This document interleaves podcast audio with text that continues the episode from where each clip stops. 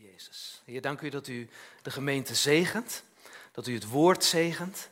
Heer, dat u uh, onze aanwezigheid hier zegent en gebruikt, omdat niets zomaar gebeurt. We zijn hier omdat u het wilt.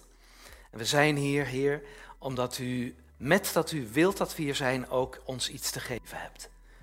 Dank u, Heer, dat dat niet toevallig is dat we hier zijn, maar dat u zult spreken en ons hart weet te bereiken. Dank u daarvoor. U zegent de gemeente, u bouwt ons op tot eer van u, Heer, want u wilt dat het ons goed gaat, zodat wij een getuigenis zullen zijn van hoe goed u bent. Dank u, Jezus. Amen. Amen. Um, waar ik het met je over wil hebben, en dat zie je al gelijk eigenlijk, hoe tref je optimaal doel? En ik heb er een uh, boogschutter bij gezet, dat plaatje mag je onthouden, dat ga ik nog wat beter uitwerken. Uh, de Bijbel spreekt daarover en het is geweldig om te zien dat God ieder van ons, zoals je hier zit, allemaal met een bedoeling in deze wereld heeft geplaatst. Je bent er niet zomaar, maar je bent er om in je bestemming te leven. Bestemming is een woord wat eigenlijk zegt: ik ben iemand, ik ben bijzonder. En wie ik ben en hoe bijzonder ik ben, dat komt tevoorschijn. Daar mag ik in opbloeien, hè, zoals een boom kan bloeien. En uiteindelijk vrucht kan dragen. Vrucht dragen betekent dan dat wie jij bent tevoorschijn komt, zichtbaar wordt voor andere mensen en andere mensen genieten daarvan. Dat is je bestemming. Ja? Nou, daar kun je over nadenken als je jong bent en dat is erg leuk. Als je 12 bent, 13, dan krijg je een bewustzijn van hé, hey, dat ben ik. En dan ga je nadenken over wat voor keuzes maak ik om uh, te studeren of om een beroep te krijgen of om te verhuizen of wat dan ook. Je gaat op een bepaald moment uit huis, eh, een levenspartner te vinden en al dat soort dingen. Dan ben je heel erg met je bestemming bezig.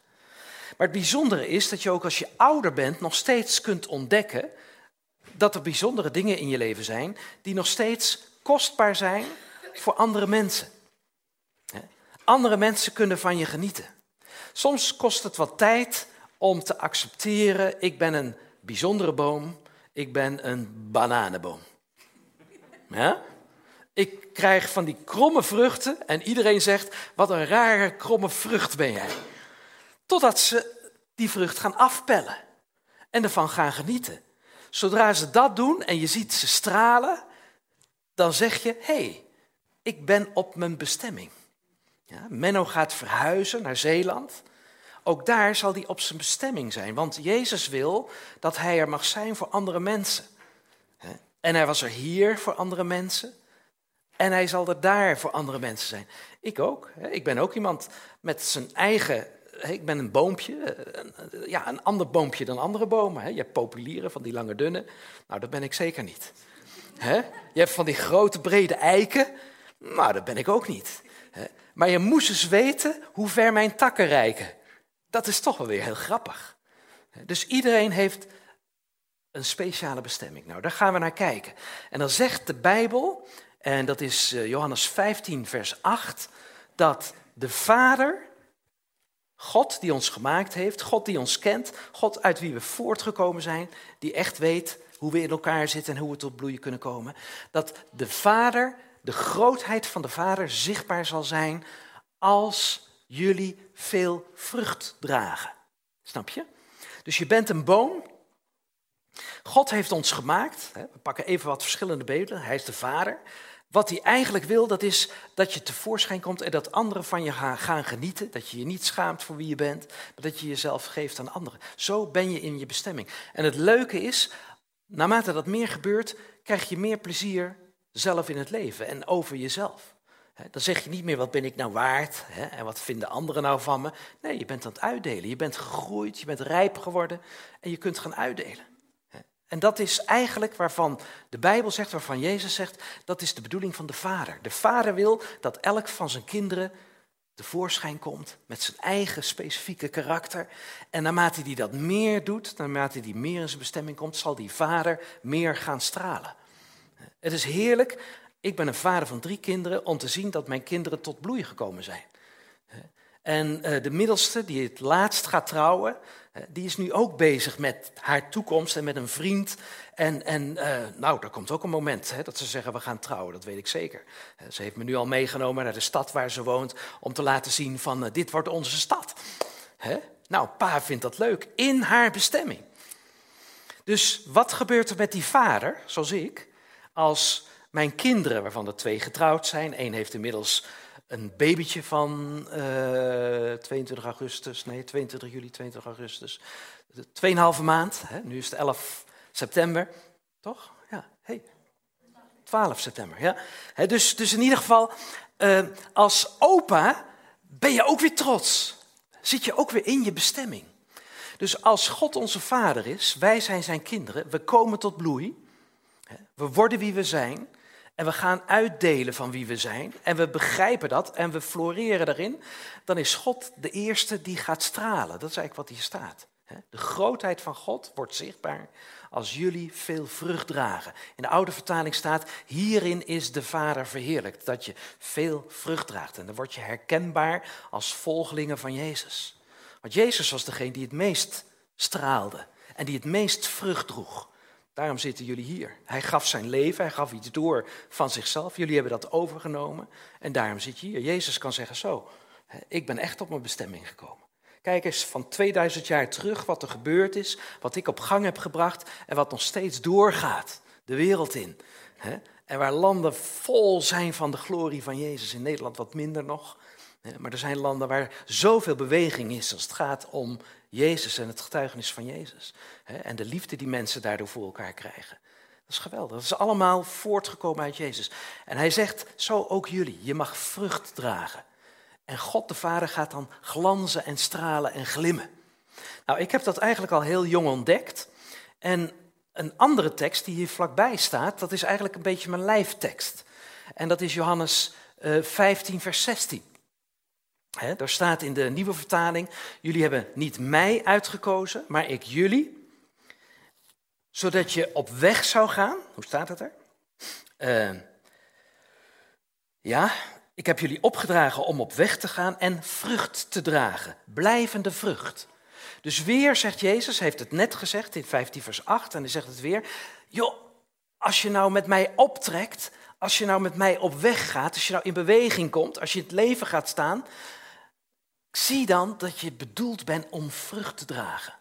Zie dan dat je bedoeld bent om wat jij specifiek hebt, om dat door te geven aan anderen. Je zult vrucht dragen. En het bijzondere is, dan zegt hij, en dat die vrucht ook zal blijven. Blijvende vrucht. Dus jij deelt leven uit aan anderen en die anderen die hebben er wat aan en die gaan er zelf wat mee doen. Het wordt een soort vermenigvuldiging. Het blijft bestaan. Wat jij geeft aan anderen, wat je zelf van God ontvangen hebt, dat heeft zoveel waarde dat het blijft bestaan. En dan zegt Jezus er iets bij, dan zegt hij, als dat zo is, als je weet dat jij bent zoals God je gemaakt heeft, dan heb je recht van spreken. Dan kun je bij de Vader aankloppen en dan zeg je, Vader, ik ben deze man, ik ben deze vrouw, ik heb nodig om vrucht te dragen, dit en dat en dat. Opdat de Vader u alles geven wat gij hem bidt in mijn naam. Staat er in de oude vertaling. En wat staat er hier? Uh, wat je de Vader in mijn naam vraagt, zal hij je geven. Veel mensen vragen zich af van waarom hoort God mijn gebed niet of verhoort hij mijn gebed niet? Dat komt omdat je nog niet goed weet waarin je vrucht mag dragen. Maar als God gezegd heeft wie je bent, dan mag je vrijmoedig zijn en bij de vader aankloppen en zeggen van ik heb iets nodig om ook werkelijk te zijn wie ik ben en om daarin vrucht te dragen. Help me met die opleiding. Help me om de middelen te krijgen om iets door te geven aan anderen. In mijn vak, eh, eh, in, in mijn bedrijf, ehm, eh, in mijn gezin, op wat voor manier dan ook. Ja. Vaders, jullie zijn in je bestemming als vaders. Ja. God wil dat je kindjes krijgt. Dus dat betekent dat je als je dat ook weet en daarin gaat staan en weet van dit is mijn bestemming, dat je God mag vragen, geef me wijsheid om een vader te zijn. Zo simpel is het. Moeders, precies hetzelfde. Zo dichtbij komt dat, deze tekst. En dan krijg je eigenlijk het beeld van een plaatje van een boogschutter die raak, schiet. Wat ik met je wil doen is naar het Oude Testament gaan en daar eens kijken hoe dat plaatje uitgewerkt wordt. Hoe kun jij in je bestemming komen? En dan lezen we Jesaja 49. Jezus heeft net gesproken over vrucht dragen. De oude profeten, honderden jaren voor Jezus, Jesaja leefde 600 jaar voor Jezus, die zag al allerlei dingen. En dat zag hij over Jezus, dat zag hij over Israël en dat zag hij over ons. Het is belangrijk dat je even goed begrijpt hoe je die oude boeken moet lezen, die profetie. Het is net als bergen. Ik weet niet of je uh, wel eens op de top van een berg gestaan hebt. Dan loop je daar naartoe en dan denk je zo, nu hebben we het einde gehaald. Maar daarachter ligt weer een berg. En daar kun je ook de top van zien. En daarachter nog een berg. En daar kun je ook de top van zien. Zo is het met profetie. Je leest het en als je Jesaja leest, dan denk je het gaat over Israël. Dat God met Israël een plan heeft. En dat plan is voor de hele wereld belangrijk, want Israël is bedoeld om tot zegen te zijn voor de hele wereld. Dat is voor de Bijbelkenners onder ons iets wat ze goed kennen en waarvan ze zeggen, ja, dat is zo. En als je de Bijbel leest, zeker die profetieën, dan lees je dat ook. Dus dat is eigenlijk de eerste top van de berg. God heeft een plan met Israël. Maar het grappige is dat hij dat plan klaarmaakt, vervult, via een andere berg. En dat is de berg Jezus. Dus als je kijkt naar de profetie, dan zie je dat het over Israël gaat, maar het gaat ook over Jezus. Ja. Dus alles wat er in het Oude Testament gezegd wordt, dat zegt Jezus zelf ook in het Nieuwe Testament, slaat op Hem. Ja. Het gaat via Hem. Hij maakt het klaar, ook voor Israël. Dat is de tweede berg. Maar er is nog een berg, en laten we zeggen dat die ertussenin zit. Misschien vind je die berg iets kleiner, maar hij is wel heel belangrijk. En het is eigenlijk wel een berg waarvan we zeggen, die moeten we ook samen beklimmen. Je moet naar Jezus kijken, je moet iets weten over het plan van God met Israël, als je de profetie leest. Maar het is ook leuk om die andere berg te begrijpen. Want het gaat in de profetie ook altijd over jou en mij. Ja? Dus het slaat op Israël wat God wil zeggen. Het slaat op Jezus wat God wil zeggen. Maar wij zijn daar compleet bij betrokken. En het wordt soms zo klein dat je kunt zeggen, ah, Jeremia 29, hij heeft een hoopvolle toekomst voor Menno. Hebben we net gehoord. Die tekst werd net gelezen. Komt uit het Oude Testament. Als je het leest, denk je, ja, dat slaat op Israël. Ja, moet je het maar in zijn context lezen, in zijn verband. Het gaat echt over Israël. Hoopvolle toekomst voor het hele volk. Maar je mag ook zeggen, het is ook een tekst voor mij. Waarom? Omdat Jezus alles wat daar staat heeft vervuld en Jezus woont in mij. Dus het is ook voor mij. Nou, zo gaan we dus ook Jesaja 49 lezen. Eilanden, hoor mij aan. Verre volken, luister aandachtig. Nou, dan is de vraag wie er spreekt en naar wie je moet luisteren. Ja, dat is altijd leuk, hè? Al in de schoot van mijn moeder heeft de Heer mij geroepen. Nog voor ze mij baarden, noemde ze mijn naam. Hier is iemand die spreekt en die zegt, ik weet mijn bestemming. Ik ben namelijk geroepen. Iemand die God kent, die weet, hij heeft mij geroepen. Ik leef niet zomaar, maar hij riep mij in het leven. Hij riep mij omdat hij een bedoeling met mijn leven heeft. Dat is bestemming. Ja. En dan staat er ook nog, hij riep mij bij mijn naam. Dat is helemaal speciaal. Want als jij tegen mij zegt Willem of pastor Willem of Willem de Vink, dan denk je dat je mijn naam noemt en iets van mij weet. Ja. Ik sprak van tevoren even iemand en die zei van nou, ik heb thuis al gehoord over je. Ja. Dan denk je dat je iets weet over de spreker. Maar als Marianne de Vink, mijn vrouw, die al 36 jaar met mij getrouwd is, zegt Willem, dan weet ze veel meer. Ja, dan weet ze veel meer. En in goede momenten is dat geweldig. Hè? Dan kun je helemaal zwelgen als man in het feit dat je Willem bent voor haar. Maar ze weet ook dingen waarvan je denkt van nou. En dan zegt ze toch Willem. En dan geeft ze toch mijn naam terug aan mezelf. En dan weet ik wie ik ben. En dan weet ik, als zij spreekt, mijn naam uitspreekt, dan houdt ze van me. En dan mag ik er zijn.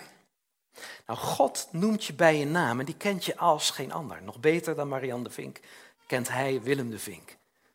Hij riep mij en hij riep mij bij mijn naam. De Bijbel zegt, we hebben het net gelezen, dat is al van de moederschoot aan. Ja? Nou, als je opa wordt, dan leef je een beetje mee, ook met die echootjes en zo. En dan zie je die plaatjes en je ziet het bewegen, dat kan tegenwoordig allemaal. En dan ben je helemaal verbaasd. Hè? Dan ben je echt ja, van je stuk soms, dat je denkt, hè, zo'n klein mensje. En dan komt het tevoorschijn en denk je, zo'n groot mens uit die buik. Zoveel, zo compleet. En dan zegt de Bijbel, God kende je al van de moederschoot aan. Hij had al een plan met je. Hij weet wat je bestemming is. Weet je dat de Bijbel nog veel grootser denkt over ons? Weet je dat Paulus zegt dat God ons al wilde van voor de grondlegging der wereld? Je bestemming ligt er eigenlijk al vast. God heeft je al gewild voordat hij ging scheppen. De kunstenaar had je al in gedachten voordat hij aan de slag ging. En toen kwam jij er. En toen groeide je op en toen kon je zeggen, al in de schoot van mijn moeder heeft de Heer mij geroepen. Nog voor zij mij baarde, noemde hij mijn naam. Ja. Nou, dit zijn woorden, weer, die kunnen slaan op Israël. Israël kan dit zeggen. Dat, dat, ja, dat zij al bestonden van, van, van, van begin af aan. En dat God iets met ze wilde, met het volk Israël. Als je verder leest, dan begrijp je ook dat het onder andere daarover gaat. Maar het gaat ook over één persoon. Dit is ook Jezus die spreekt. Dit is profetie, dit zijn woorden van Jezus zelf. Die zegt, ik was er van begin af aan. Ja? En hij kende mij en had een plan met mijn leven. En het bijzondere is dat wij mogen zeggen, ik mag dat ook leren zeggen. Luister, eilanden, ik woon op het Noordereiland. Luister, eiland. En ik loop heel vaak een wandeling het hele eiland over, een half uurtje maar. Want zo groot is het niet, daar midden in Rotterdam. Maar dan moet ik wel eens aan deze tekst denken. Dan denk ik, ze zullen naar me moeten luisteren. En dan praat ik met buren en zo, gewoon over Jezus. Het gaat soms spontaan, zo, soms ook niet hoor. Ik praat ook over het weer, of over het mooie schip wat langskomt of zo. Maar, maar weet je, dit slaat ook op mij. Ik mag er zijn. De eilanden mogen mij zien, mogen naar mij luisteren, mogen weten dat ik die boom ben die ik ben. Met mijn eigenheid. En er zijn mensen die fluisteren, er zijn mensen die roepen in het leven. Dat maakt niet uit, je mag er zijn. Luister aandachtig. Ik heb een bestemming. God heeft mij geroepen. Hij kent mijn naam. En toen hij mij riep, riep hij mij tevoorschijn zoals ik ben. Als ik wil weten wie ik ben, moet ik bij hem zijn. Vandaar dat het goed is dat ik af en toe die wandeling maak, want dan stem ik weer even af. Wat wilt u? Wie ben ik? Hoe ziet u mij? Want allerlei mensen hebben allerlei gedachten over me. En ik ook over mezelf. Maar u hebt het laatste woord. Daarom wil ik bij u zijn. Nou, dan gaat het verder. En dat is heel bijzonder. Daar staat er, hij maakte me tot een puntige pijl. Dat vind ik zo gaaf. Daar hou ik van. Moet je je voorstellen, ik ben dan uh, ja, door God geroepen, gekend. En dan zegt hij, ik heb ook een plan met je leven. En uh, als tiener was ik daar al mee bezig. En dan stelde ik me zo voor, oké, ik ben een puntige pijl. Hè? En hij slijpt mij en hij slijpt mij. En dan legt hij me op de boog en dan check. En dan tref ik doel. Wauw, Willem de Vink heeft weer gescoord. Yes! en ik deed het dan met tekeningetjes, zodat iedereen zei, zo, die vent kan goed tekenen. En als het in meer blaadjes kwam, dan werd het verspreid. Dan hadden mensen daar lol over. Of ik sprak voor mensen, dat deed ik ook al heel jong. Allemaal dat soort dingen, dat was mijn eigenheid. Dus dat wil je ook. Je wilt eigenlijk Ieder van ons wil als een pijl zijn die doel treft. Die kan zeggen van, ik leef niet zomaar, maar ik heb een bestemming. En met wie ik ben en wat ik doe, tref ik doel. Kom ik daar terecht waar God me wil hebben? Uh, tref ik doel in het hart van mensen? Uh, het, het, liefst ook van mijn eigen vrouw of mijn eigen man. Daar begint het al. als een soort cupido. Tik, raak, yes, liefde. Ja, dat is bestemming. Maar het gaat natuurlijk veel verder. Wat je betekent voor je kinderen, voor je collega's, voor je medeleerlingen, studenten, weet ik wat. Daar gaat het over. Dat je doel treft. Nou, terwijl je dat leest, hij maakt mij tot een puntige pijl, dan weet je wel, ai, ai, ai, ai, ai, ai, ai, ai, ai. Dat doet soms ook wel pijn. Want dan moet er wat afgeschuurd worden. Maar als je weet dat je in de hand van God bent, dan laat je dat toe. En het bijzondere is, als hij aan het slijpen is, ben je het dichtst bij zijn gezicht. Dus als je weet, oké, ik word gevormd in de handen van God, is dat helemaal geen punt. Ja, het wordt een punt. Het wordt een scherpe pijlpunt. Zo ben je met God verbonden. En die schacht, die moet recht worden, want anders wordt het zo'n pijl. Hoe moet je dan doel treffen? Dus het is goed om in de handen van God te zijn en hem de kans te geven om aan te scherpen wie je bent. Om werkelijk te worden wie je bent. En dat is niet alleen die specialist die één keer doel treft, maar het kan heel goed zijn dat die pijl er weer uitgehaald wordt en weer geschoten wordt en weer geschoten wordt. Want zo is God. Hè? Ons, ons leven is rijk en de doelen die Hij met ons wil bereiken kunnen veel verder gaan dan we zelf denken. Dat is een heel mooi beeld. Maar er staat ook nog iets achter. Heb je dat gelezen? Dat is eigenlijk niet zo leuk. In zijn pijlkoker stopte hij mij. Aha, ja. Mm. Dan zit je daar in het donker. Ja? Dan zit je daar tussen allemaal van die andere pijlen. dat is toch heel vervelend, hè? Je wil op die boog. Je wil afgeschoten worden. Maar je zit dan in die pijlkoker. Wat is dat dan? Ja, dat is soms timing, hè? Dat is dan toch soms de tijd waarop dingen rijpen en klaar moeten komen en getimed moeten worden voordat je afgeschoten kan worden. Ik vind dat wel eens lastig. Dan denk ik, kom op! En dan sta ik te barsten, man, ik wil eruit. Ja. En dan zegt de Heer rustig, je tijd komt. Heb vertrouwen, want je wordt gescherpt. En je wordt recht en stevig gemaakt. En je komt op die boog te liggen. Je zult doel treffen. Maar ik bepaal wanneer het tevoorschijn komt. Als dit woorden van Jezus zijn, en dat zijn het. Hij is ook in een pijlkoker geweest, wist je dat? 30 jaar lang, voordat hij tevoorschijn kwam. Ja. Nou, mensen die nog geen 30 jaar zijn, die vinden 30 vaak heel erg oud. Dat is echt zo, hè? Als jij eh, op de middelbare school zit en je hebt een leraar van 30, dat is, echt een oude leraar. Hè? 24, 25 is nog een beetje jong, die is net afgestudeerd. Maar 30, ja, dat zijn die kerels die al een beetje eh, de orde kunnen handhaven en zo. Dat is ver weg. Dus Jezus op zijn dertigste kwam die pas tevoorschijn. Wat heeft hij al die andere jaren gedaan? We, we, weten het niet. Het enige wat we weten, dat heeft hij zelf gezegd toen hij twaalf was, ik moet bezig zijn met de dingen van de Vader. Hij zat in die pijlkoker, al die jaren. En toen kwam die tevoorschijn. Dat betekent dus dat wij ook tijden hebben waarin we gewoon dicht bij de Heer zijn, in de gemeenschap met die andere pijlen zijn en gewoon kijken van hoe gaat het met de rest? Wanneer komt zo'n pijl tevoorschijn? En als die afgeschoten wordt, kunnen we daar samen blij over zijn. Daar gaat het eigenlijk over. En dan bereik je je doel. Als we dan verder lezen, en je zou eigenlijk die hele profetie moeten lezen, gaan we die doen hoor, dat is nog één tekstje. Maar dan zie je eigenlijk hoe Jezus zijn doel bereikt. Dan staat er, ik zal je maken, dat zegt God, ik zal je maken tot een licht voor alle volken. Opdat de redding die ik brengen zal tot aan de einde der aarde reikt. Dat is wat? Ik zal je maken tot een licht van de volken. Dus eigenlijk staat hier, zo letterlijk staat het er, ik zal je tot een lichtschits maken. Schicht, lichtschicht. Ja? Een lichtpijl een brandende pijl. Dus die pijl, die zat in de pijlkoker, die was geslepen. En als God hem dan afschiet, dan wordt het een pijl die afgeschoten wordt en waar licht van uitgaat, een brandende pijl. En dan staat er, die gaat eigenlijk de hele wereld over. Nou, wat hebben we gezien met Jezus?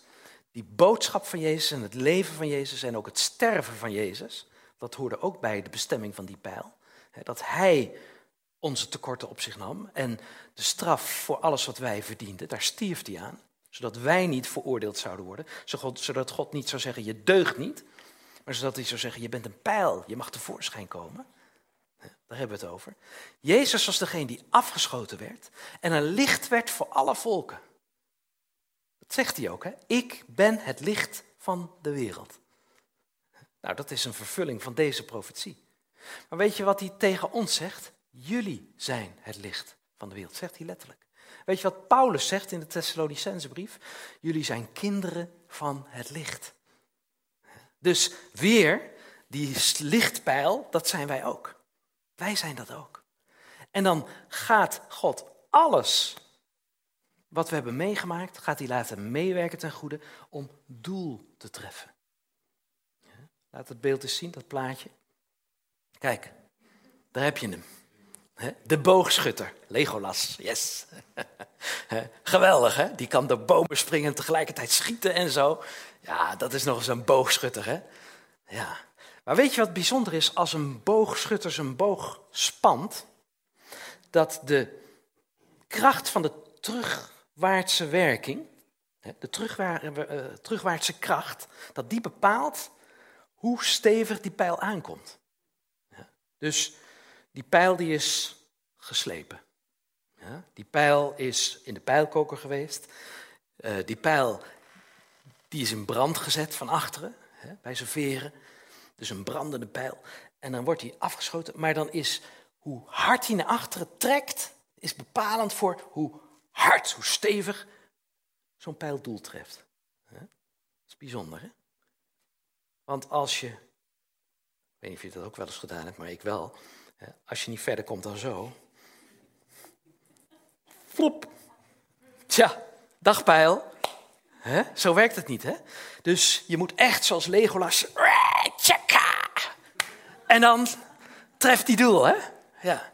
Weet je dat het in ons leven ook zo is? Dat God alles wat gepasseerd is, die terugwaartse beweging, dat hij daar kracht aan wil verlenen om doel te treffen. Dus je hebt een heleboel meegemaakt in je leven. Je bent geslepen, maar je hebt ook een heleboel ervaringen. En eigenlijk wil hij dat allemaal laten meewerken voor jouw bestemming. Dat je doel treft, dat je op je plek komt, dat je zichtbaar wordt zoals je bent. En dat kan al ja, je hele leven lang plaatsvinden, soms zonder dat je er erg in hebt, zonder dat je het weet. Ik weet van mezelf dat uh, ik was, het was 1966, ik was negen. Mijn zus trouwde, maar ik was er niet bij, want ik lag in het ziekenhuis. Want wat er nou gebeurd was, dat was um, in Utrecht, waar ik, waar ik vandaan kwam. Daar waren we aan het spelen op de, de, uh, de houthaven. Kun je geweldig spelen. Dat het, er staan van die enorme houtstapels opgetast. En wij jongens deden het net alsof het uh, zo'n cowboydorp was. Hè, met allemaal van die houten uh, huisjes en zo. En, en nou, daar zaten we dan tussen cowboytjes te spelen en dat soort dingen. Maar dan moesten we op de fiets naartoe en we gingen terug. En dan moest je de Kroeselaan oversteken. Dat is die laan waar de jaarbeurs aan ligt. Maar vroeger was daar de jaarbeurs niet, dat was een uh, kazerne. Een militaire kazerne. Dus over die Kroeselaan, waar ik vlak achter woonde, waren altijd kolonnes die daar langskwamen. En mijn vriendjes staken tussen zo'n kolonne over op de fiets.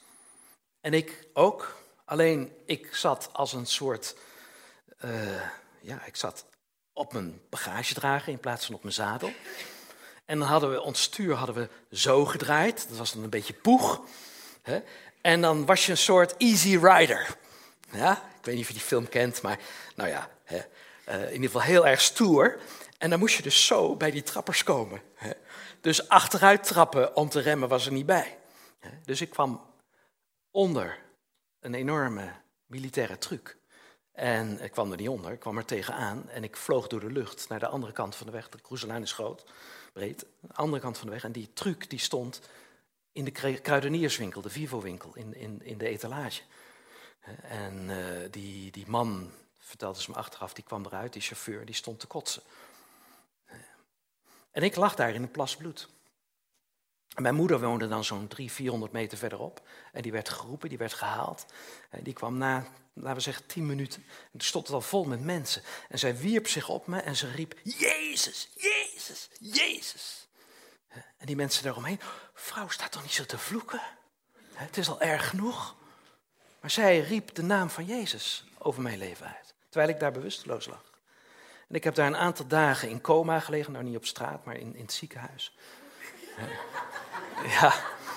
En uh, gelukkig kwam ik bij. Je ziet, je ziet trouwens nog, uh, er zit er ergens een deuk in mijn schedel. Uh, misschien dat ik daar ook een beetje een tik van overhouden heb, weet ik niet. Maar in ieder geval, ik kwam bij, ik moest revalideren. Eerst in het ziekenhuis en later thuis. Nou, Wimmy, Wimmy de Vink toen, was een jochie dat nooit thuis speelde. Altijd op straat was, altijd bezig, altijd druk. En als ik thuis bezig was, dan was ik nog druk. Maar ik kon dus thuis niet veel doen. Ik moest revalideren, ik kon eigenlijk niks. Wat ik wel kon, dat was klaplaadjes krijgen van mijn moeder, zo'n scheurblok, en die vol tekenen en die vol schrijven. Ik ging boekjes schrijven. Uit verveling, uit niks. Het grappige was dat die boekjes in mijn fantasie heel, fantasie, eh, heel, heel uh, populair waren. Hè? twintigste druk, dertigste druk, veertigste druk. Die werden zo vaak herdrukt, die boekjes. Die werden geschreven door Willem de Vink, stond op de voorkant. Ik uh, gebruikte gewoon die klapblaadjes, die niet ik aan elkaar. En dan had ik een heel verhaal geschreven. En dat was de schrijver. De uitgeverij was uitgeverij De Vink. Ja, tuurlijk, want die was succesvol. Ik maakte ook mijn tekeningen bij. Ik heb ze nog, die boekjes. Ik maakte de tekeningen erbij. Maar die kon ik natuurlijk niet de Vink noemen, want dat zou een beetje te gek zijn. Dan was het all in the family. Dus dat was uh, Habakkuk. De tekenaar was Habakkuk, een pseudoniem uh, die ik ontleend had aan een pop, een artistieke aap. Die heette Habakkuk. Ja, ik kwam uit een Pinksterfamilie. Dus Habakkuk was gewoon een gebruikelijke naam daar. Hè? Zo van, uh, uh, Malachi, waarom lach je? Hm? Habakkuk zijn fietsenstuk. Ah, Daniel die maakt hem wel. Zo, hè? dat ging bij ons thuis de ronde. Maar ik maakte dus boekjes. En het grappige was dat toen eigenlijk dat talent op gang kwam van tekenen, schrijven, eh, dromen over iets wat je kan doorgeven aan anderen met boekjes. Dat was eigenlijk het begin van die pijl. En die kracht, die terugwerkende kracht van wat daar gebeurd was op die Kroezelaan, kon God gebruiken. Want ik was twaalf, toen gingen die stripjes de klas door. Uh, dertien, toen gingen ze Utrecht door. Veertien, toen gingen ze het land in. Toen ging ik publiceren. Maar ik publiceerde boekjes over je, uh, strips over Jezus. Waarom? Ja, dat was mijn held. Ik had zoveel van hem ontvangen. Zijn naam was over mij uitgeroepen. En ik was wie ik werd dankzij hem. Dat enthousiasme wat erin zat, dat kon bruikbaar worden voor andere mensen dankzij hem. Ik was door hem geliefd, toen al. Ik was door hem in leven gehouden. Ik was genezen. En gelijk kwamen dus ook die talenten tevoorschijn, die waarschijnlijk anders verborgen waren gebleven. Die terugwerkende kracht. Ik was veertien toen die stripjes in blaadjes verschenen, dat heette Jonge Vrij. En die ik uitdeelde in de klas. En in die stripjes stonden mijn eigen klasgenoten. En dan een poppetje erbij met een brilletje op die ze vertelde over Jezus. Die heette niet Willem de Vink, die heette Jaap Jubel. Maar toch, hè, daar ging het over. En later gingen er meer boekjes verschijnen. En op een bepaald moment was er een soort droom van, oh, ik zou met dat talent wat ik heb, strips tekenen, zou ik Jezus willen overdragen aan mensen die slecht kunnen lezen. Want een strip is gemakkelijk te lezen. En er zijn zoveel mensen die niet eens kunnen lezen in de wereld. Dus ik was al professionele tekenaar, maar op een bepaald moment heb ik dat weggelegd, die, die, dat werk wat ik deed in de reclame, om een strip over Jezus te gaan maken. En dat is nu in 90 talen vertaald. Eigenlijk net als die tekst. Hè? Het gaat de hele wereld over als een soort lichtflits. Ja, dat begint ergens. En je begrijpt, God heeft een bedoeling met mijn leven. Ik ben geroepen vanaf de moederschoot. Dankjewel, ma, dat ik geboren mocht worden. Dankjewel, pa, dat ik voor zo'n groot deel op je lijk. Want die talenten had ik van hem. Hè? Dank u wel, vader, dat u het erin gelegd heeft en het tevoorschijn heeft laten komen. Hierin is de Vader verheerlijk, dat je veel vrucht zult dragen. En je zult mijn discipelen genoemd worden. Je zult herkenbaar zijn als volgelingen van Jezus, die echt op zijn bestemming kwam. Compleet. En nogmaals, dan ben je nooit te oud om daarmee bezig te zijn en dat te ontdekken. En te zeggen, Heer, wat mag ik betekenen voor anderen? Want daar is het altijd om te doen. Vrucht dragen is altijd leven doorgeven aan anderen. Wat heb je in het leven ontvangen? Wat geef je daarvan door? Daar gaat het om. En als God ziet dat je dat aan het doorgeven bent, dan gaat hij stralen. Dan zegt hij, ik ben de vader, jij bent mijn kind. En kijk nou, jij doet hetzelfde wat ik doe. Jij vermenigvuldigt jezelf ook weer. Heerlijk is dat, om daarin te leven en daar ja, jezelf in te geven. En dan hebben we eigenlijk allemaal de opdracht van, oké, Heer, wie ben ik dan? Ja, ik ken je van de moederschoot aan, zegt de vader. Wie ben ik dan? Ja, ik heb je bij je naam geroepen. Oké, oké. Als ik dan een invulling wil geven aan mijn naam, dan moet ik heel goed luisteren naar u. Wat ziet u in mij? Wat betekent dat? Nou, dat betekent dat je gewoon eens bidt. En dat je gewoon eens wandelt met God en zegt, Heer, hoe ziet u mij nou? Dat betekent soms dat je in de kerk luistert naar, wat is dat nou voor mij? Hm? Niet alleen met een preek, maar gewoon ook in de gesprekken onderling. Dat betekent dat je soms gewoon maar eens wat gaat doen. En dan merk je, oké, die pijl doet nu dit. Er zit nog niet veel kracht in, maar ik heb het wel gedaan. God pakt het weer op en die zegt, oké, we gaan nog een keer oefenen.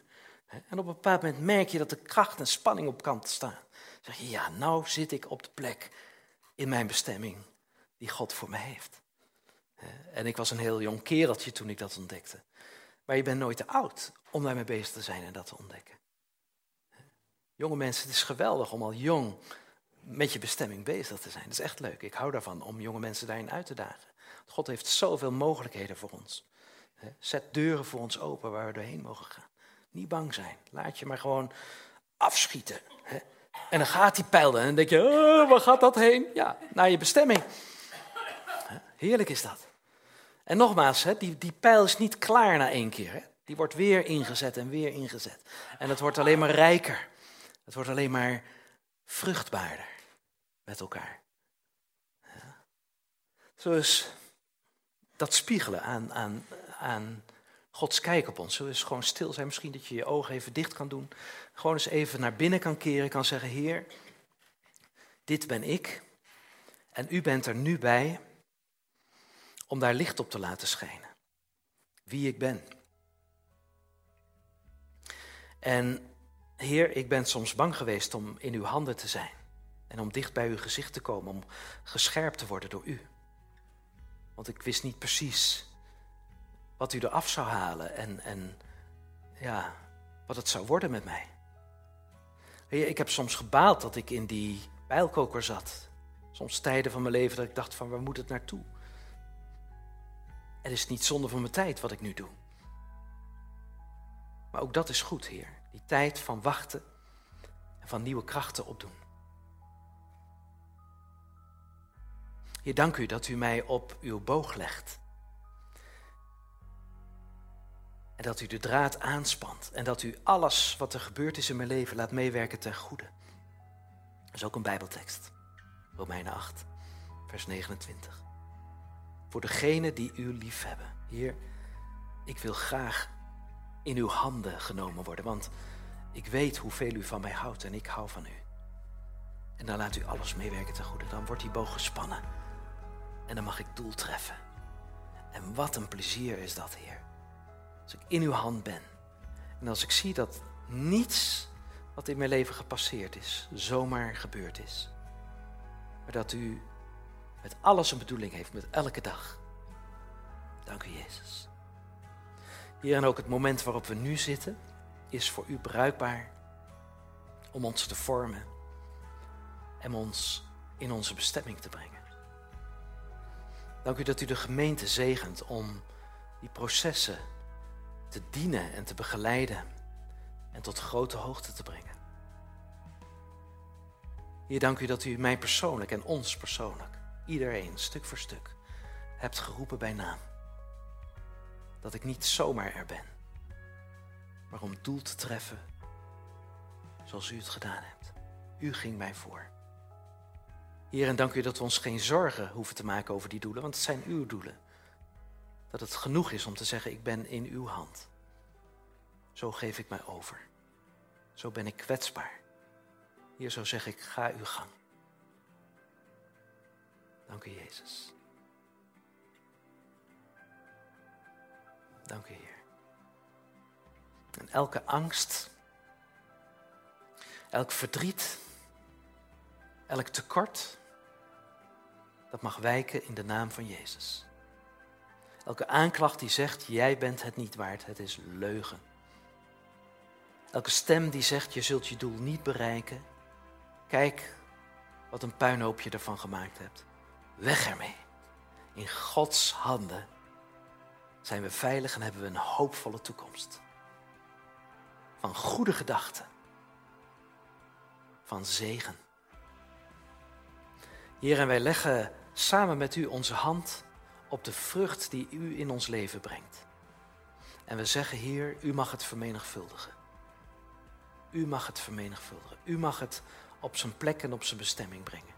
Het is uw vrucht. Het is uw plezier aan uw vrucht in ons leven. En dank u dat we ervan mee mogen genieten, van wat u aanbrengt. En mogen zeggen, wat is het leven goed? Wat bent u goed? Heer, wat hebben we een heerlijk verleden achter ons. Wat u kunt gebruiken. En wat een heerlijke toekomst. Dank u, Jezus. Dank u, Jezus.